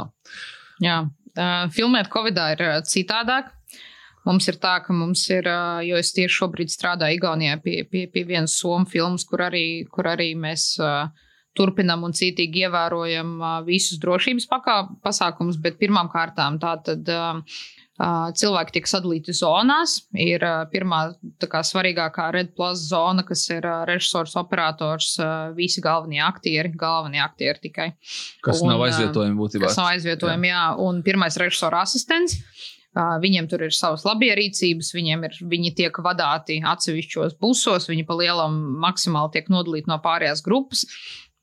Tad ir nākamā grupa, kas ir cilvēki, kas strādā uz laukuma, un uh, viņiem ir savas atpūtas zonas, un tad ir tādi, kuriem nav jābūt uz laukuma, piemēram, šoferiem, tur, pavāriem, uh, pat īstenībā kaut kādiem cilvēkiem no produkcijas. Viņam nav teorētiski jābūt uz laukuma, laukuma viņi var atrasties bāzē, un viņiem atkal ir savas tās atpūtas zonas. Un cilvēki tiek dalīti arī savās, uh, savās individuālajās grupās pa departamentiem. Piemēram, ir tur kostīmi, kostīmi, grīms ir ar grīmu, viņi tur skaitās skaņas departaments, skaņa, kamera, kamera, gaismas, gaismas, un viņi strādā neatkarīgi. Uh, jo viņiem ir, nu, viņiem, ne, protams, ka viņiem ir jābūt cieši vienam ar otru. Tas nozīmē, to, ka, ja gadījumā kaut kas notiek, un ja ir uh, kāda covid situācija, tad principā tiek norobežots tas konkrētais departaments. Uh, mums ir atsevišķi covid officer, uz laukuma. Mums ir speciāls cilvēks, kas atbild tikai un vienīgi par covid. Bet tas cilvēks ir, viņš tiek algots, kas ir kā amats, un viņš ir. Jā, tas ir, viņa īsumā ir meitene, kas strādā produkcijā, bet viņa jau šī ir otrā filma, kur viņa strādā kā covid officer, un viņa superīgi pilda savu darbu. Viņas galvenais pienākums ir principā katru reizi, kad viņa ierauga kādu bez maskas, iet pie viņa un teikt, uzvelc atpakaļ savu masku. Uh, viņa atbild par visām dezinfekcijas stācijām, viņa dezinficē visas virsmas, visus galdus, viņa tur produkcijas office, visas uh, rokturus, tur slēdžus, visu pārējo. Un viņi organizē arī testēšanu, jo mums ir arī ātrie testi no, no Dānijas pasūtīti, kur ir, kur ir 15 minūšu laikā dod atbildi. Viņi nav, protams, tik precīzi kā īstie testi, bet mēs viņus izmantojam vienkārši tā, tā kā, lai notestētu cilvēkus, kuri ir jauni, kuri ierodās mm -hmm. uz laukuma, ik pa laikam notestētu galvenos, visus varoņus un tā. Un tad, ja ir jau aizdomas par kaut ko tur tālāk, tad jau tiek, viņi tiek sūtīti uz, uh, uz lieliem testiem. Un viņi organizē to testēšanu, visu plāno, ieplāno laiku, jo mums ir arī mediķis visu laiku, ātrās palīdzības mašīna uz laukumu, kur tad uh, to visu testēšanu veids. Tā kā mums tur ir tie drošības pasākumi diezgan Plus vēl mēs mēģinām samazināt cilvēku skaitu uz laukuma, kas nozīmē, ka darbs tiek organizēts grupās. Sākumā, piemēram, tika ielaists mākslas departaments, lai viņš iekārtotu lokāciju, tad mākslas departaments tiek izvests no lokācijas ārā, tad nākamie atnāk gaisma, viņi uzliek gaismu, tad gaismas departaments iziet ārā, tad atnāk kamera, grips, viņi uzliek kameru. Tad tālāk viņi iziet ārā, tad tālāk jau ienāk aktieri, režisori, iziet cauri ainai, un tad jau tālāk viņi var filmēt. Nu, tas ir tādās ir īpaši mazās vietās. Protams, ja mēs filmējam ārā, visi kārtībā, visi staigā maskās, visi ir mierīgi, bet ja mēs filmējam tiešām kaut kādā maziņā, maziņā dzīvoklītī, maksimāli daudz tā, lai, lai nebūtu vienlaicīgi uz laukuma nenormāli daudz cilvēku un lai tās grupas savā starpā nesamiksējas. Mm. Tad uh, būtībā sanāk, ka Covid baigi ievainojis tieši par tevi. Tāpēc, es nedomāju, ka tas baigi mainījis aktieru vai scenāriju darbu, atskaitot kaut kādas elementus, bet tev, ka, kā, ka tev viss ir jākoordinē. Mm. Tev ir mm. masīvi jākoordinē. Citādi es pat tev jāņem vērā, ka kaut kādas lietas, kas agrāk varbūt nebija jāņem vērā un, Jā. un, un, un kas īsti nekādā veidā nepalīdz tam, ko mēs redzam uz ekrāna, vai mēs neredzam. Tas, tas, nē, tas neko nekad, bet, bet tajā pašā laikā nu, no tā ir atkarīgs, vai tā filma turpināsies vai nē. Jo, nu, protams, ka ja saslims kāds no galvenajiem varoņiem vai kāds no, no, no galvenās komandas, tad jau visu filmēšana tiks apturēta, un to jau neviens negrib. Tev ir bijis tā, ka ir apturēta tagad pēdējās nezinu, sešos mēnešos? Uh, nē, nav bijis. Uh, mums ir viena filmēšana Latvijā šobrīd, uh, kas tika atcelta. Covid dēļ. Viena diena filmēšanas bija paredzēta vienam projektam, bet viens, no uh, viens no galvenajiem komandas biedriem viņam tika apstiprināts Covid un filmēšana atcēla. Es domāju, kā tas, nu jā, tas jau tas ir reskingrowings. Bet labi, tas tāds, es domāju par, par teiksim, cilvēku tur algām un tā tālāk, un visu šo pūsmu, kā tas, kā tas maina, bet ja tas bija tikai viena diena, tad droši vien tas ir. Nē, nē, nu tur viss kārtībā. Jā. Tur tā kā mēs diezgan laicīgi to visu uzzinājām, tas nebija tā, ka tas ir pēdējā sekundē un tā. Es, es negribēju tevi pārtraukt, bet uh, man interesanti no tavas skatu punkta, ka es domāju, ka citos, uh, citās sfērās tas varētu būt līdzīgi, ne, bet jautājums līdzīgs. Covid oficers uz uzņemšanas laukumu, kam, kam viņš ir? Nes atbildību. es vienkārši iedomājos, nu, tāda ļoti, ļoti mietpilsoniskā skatu punkta. Viņš nes atbildību. Viņš ir algots darbinieks, Jā. kur algo produkcijas, kur mērķis ir pēc iespējas ātrāk visu nofilmēt. Jā. Nu, respektīvi, vai, nu, bet pēc iespējas ātrāk, ātrāk visu nofilmēt, dažreiz var iet, iet pretrunā ar Covid noteikumiem. Nu, respektīvi, tā kā kaut kādā brīdī, kur iesaistās cilvēcīgais faktors, ah, nav maskas, ah, nu, vai ķipā ātri iebojāžam, viss nofilmēts būs in the can un, un aiziet iet tālāk, vai arī viņš ir tā kā būtībā nu, nes Hipokrāta zvērstu. Un, un Jā, viņš... principā, principā viņš nes Hipokrāta zvērstu. Šobrīd ir tā, ka ja tikko kādam nav maskas un ja, ja, ja Covid oficers nespēja pierunāt, tad viņš var pateikt, pateikt pirmajam režisora asistentam, mēs neatsāksim filmēt, kamēr šis cilvēks nebūs uzvilcis masku. Nu, tas ir līdz tādai nopietnībai. Mm -hmm. Tas ir pareizi. Tā, tā, tā, nu, nu, jā, viņš, ir, viņš ir augos darbinieks, kur augo produkciju, bet viņš var apturēt produkciju un pateikt, ka jā. nē, ja, jā. nezinu, jā. režisors ir piemēram mākslinieks, un saka, nē, vai ātrāk, ātrāk sabojāžam, un pat tā, nē, nē, nē, nē. Nu, tāpēc, ka jā, skaidrs, ka viss, viss lielais uh, process jau ir. Uh, tāpēc, tas... ka samaksāt par vienu virsstundu ir lētāk nekā samaksāt par to, ka tiek apturēts produkcijas, tāpēc ka kāds ir slims. nu, ja mēs skatāmies no tās puses.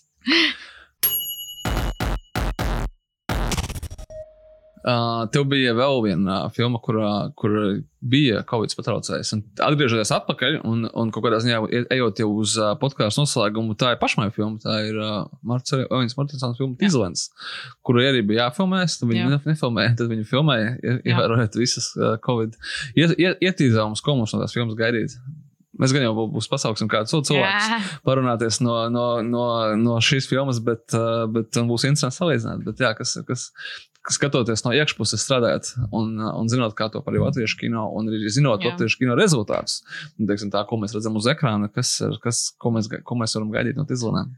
Man šķiet, ka ar izlēmēm pats tas, kas man uh, visvairāk patīk, ir tas, ka pirmām kārtām tā ir sieviete režisora. Tas man šķiet ir, ir superīgi, un, un, un, un tā ir tāda ļoti laba lieta, kas pamazām sāk notikt. Un, un attīstās, protams, es nesaku, ka Latvijā nav bijušas sievietes režisors, bet, uh, bet man ir ļoti liels prieks par Martu un, un par to, ka viņai bija dota tā iespēja uztaisīt savu pirmo filmu.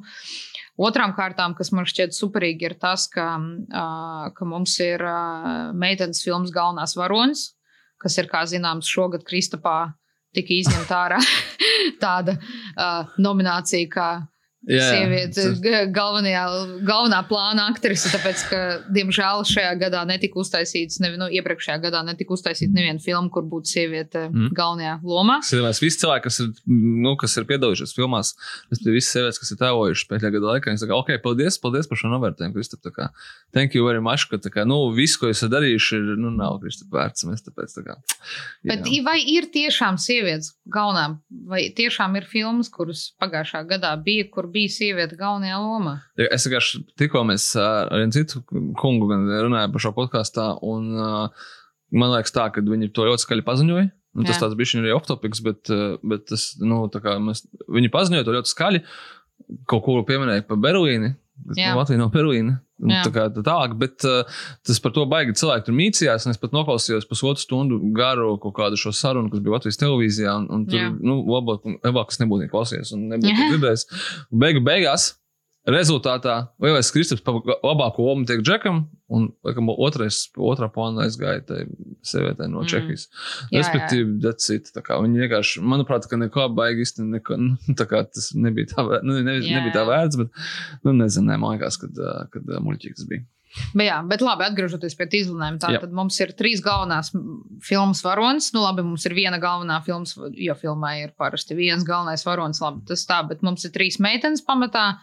Un, un, un, un galvenās varonis tāda ļoti interesanta arī fantāzija pasaule, ko mēs centāmies izcelt. Jo tā nav, nu, brīžiem tā filma būs varbūt ne tik ļoti realistiska, un ar dažādiem mākslinieciskiem paņēmieniem mēs mēģinājām parādīt arī to, uh, to bišku, gan sarauto sienu ar skatītāju, gan arī bišku varbūt parādīt to, uh, cik tālu meitenes bieži vien, un cik tālu vispār cilvēki var aizfantazēties, un cik ļoti tā realitāte dažreiz neatbilst tam visam. Man šķiet, ka, ka ja viss izdosies, viņi izdosies samontēt tā kā iecerēts, ka tas ir ļoti interesants darbs, un, un, un man šķiet, ka tā ir pārmaiņas pēc filma, ko mēs vienmēr to uzskatām uh, savā lokā. Mēs esam uzskatījuši to filmu par, ka tā ir filma mātēm un meitām.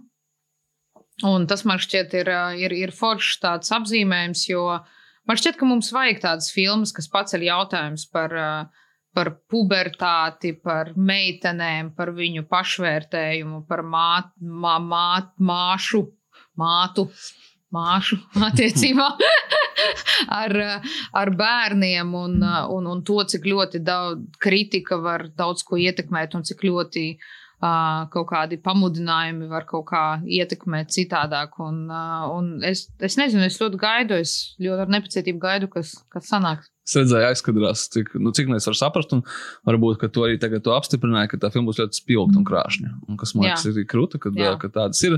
Kaut kā, arī deju, deju priekšnesumi un dziedāšanas priekšnesumi. jā, jo, jo nu, reku, piemēram, bija filma Blakus. Jā. kur mēs arī paši esam iz- izplatījuši. Bet mēs ļoti labi zinām, mm, vai vismaz tie, kas interesēs par kino, zina, ka mums ir šis sieviešu režisors Kliķis, kā tur pat minēja, kur Jā. visi zariņi, Liena Linda un Marta Jā. Elena Martinsona. Līdz ar ko kaut kādā ziņā, ka tā ir tā kā nākamā filma no šīs Kli- Kliķis. Un, protams, Jā. šo es domāju absolūti humoristiski, bet nē, jo, jo tas pats, teiksim, blakus bija tāds, bija viņa daudziem cilvēkiem tāds svaigāks. Nu, Viņi, viņi, ir- viņi ir krāsaini, krāšņi filma, tādu, nezinu, tā kā tāds jauneklīgs, kad iepūšās vējš un Nu, kas, mm. -hmm. kaut kas citādāks. Un tad mums bija jā, veseli putenis pilsēta pie upes, un kaut kādā brīdī aizbraucām bišķiņ tālāk ierastajās sliedēs, un kas Jā. ir, skatoties nākamā gada filmas, tieši tur atpakaļ arī, nu, safinansēja. Gan filmās, gan vispār seriālos. Un šis varētu būt tas, kas kā turpinās kaut kā to blakus, Jā. kas, nu, mēs nenājām par to, kam tur patika, nepatika, bet es skaidrs, ka tā ir citādāka filma, un šī arī Mhm. būs citādāka filma, un, un viņas, tas nebūs, jā, tur nebūs ne naftalīnas maržas, ne tādas vēsturiskās skarbuma un traģēdijas. Tā kā, tā kā tāpēc man liekas, tas ir ļoti, ļoti interesanti, ka tas tāds kaut kas jauns un Mm. svaigs un tālāk, nu, tur patīk, nepatīk. Tas jau ir, tas jau atkarībā no tā, kas sanāks un, un, un kādas katram ir gaumas.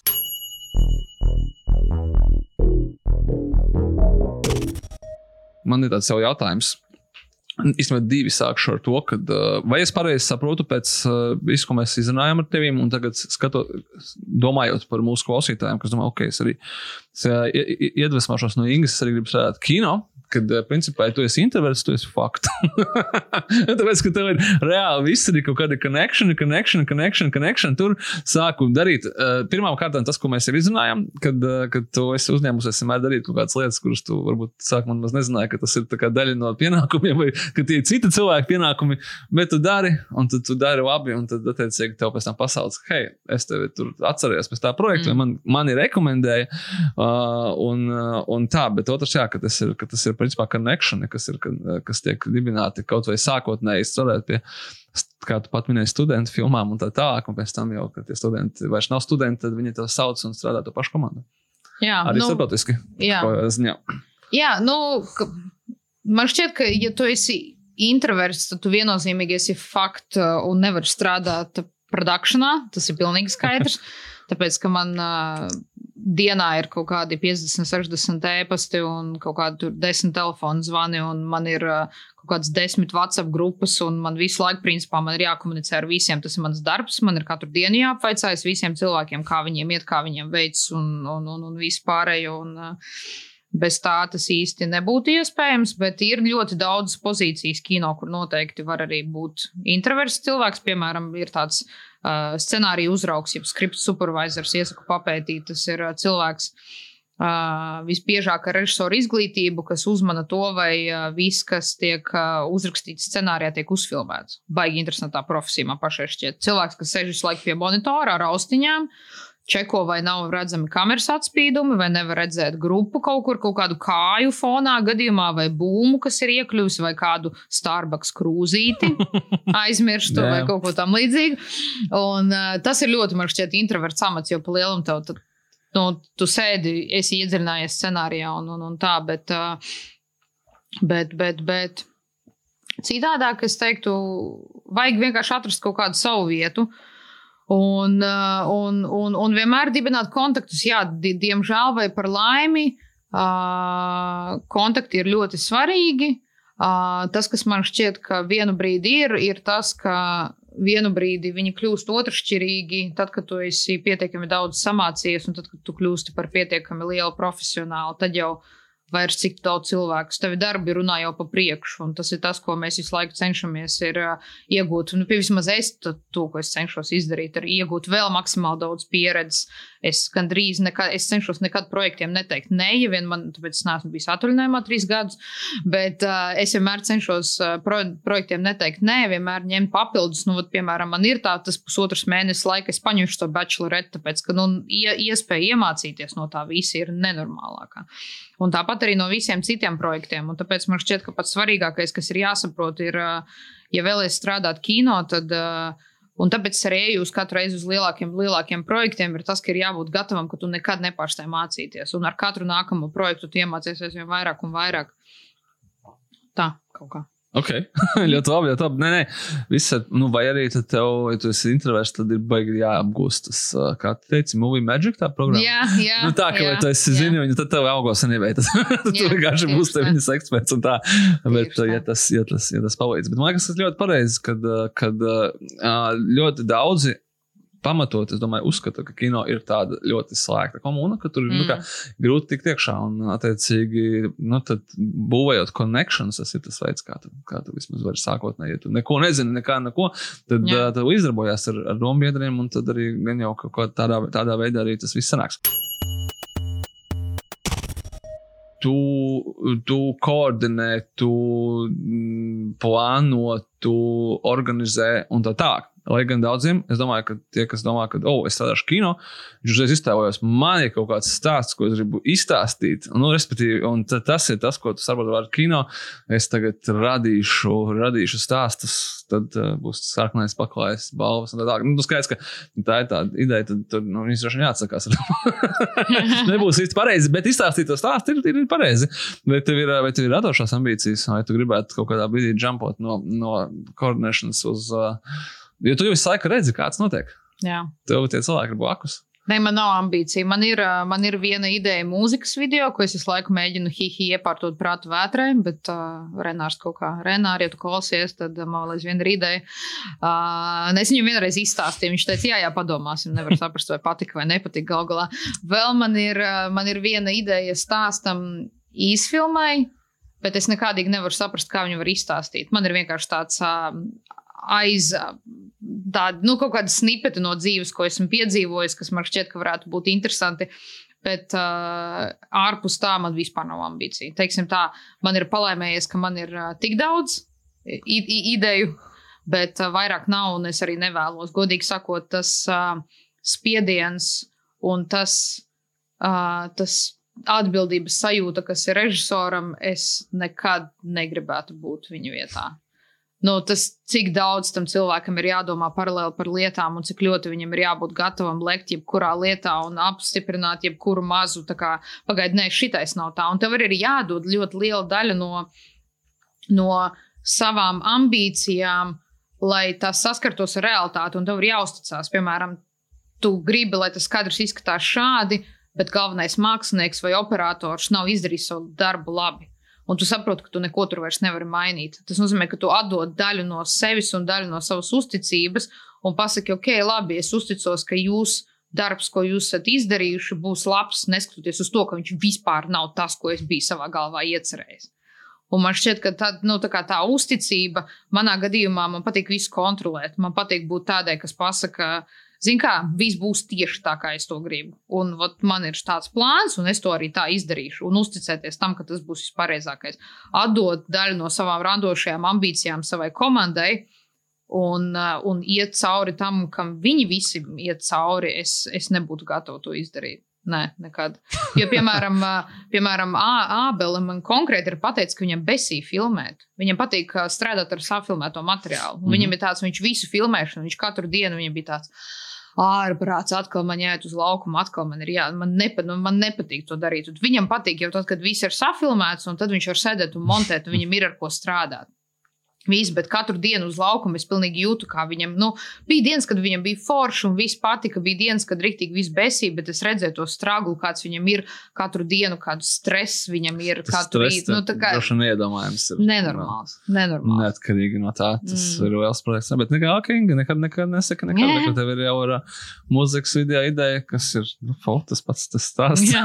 Kaut kāda īsums ideja, ne, bet, bet idejas, kuras varētu būt pamatā. Un, Un tā kā tā, bet es domāju, ka tas arī ir viens no šī podkāstu mērķiem. Un, uh, mums ir intervēt, un, un ar- nevis intervēt, runāties ar cilvēkiem, kas strādā kino, kas nav varbūt vienmēr uh, re- režisori, scenāristi, lai gan ir arī tiem. Mm. Un uh, izstāstīt klausītājiem par to, cik tas ir afigēni interesanti, ka cilvēki kaut ko dara, un tas, kas, to, kas viņiem patīk, un kas varbūt nevienmēr ir tas acīm redzamākais, ko tu redzi, vai par ko tu iedomājies, kad runā par kino, tāpēc, ka tu reizi, nu jā, tu tipu radoši, ra radīšanu un tā tālāk.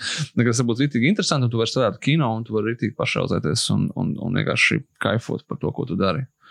Pat ja tu neesi, neesi režisors, kurš ir tā kā vaiprātīgā stresā.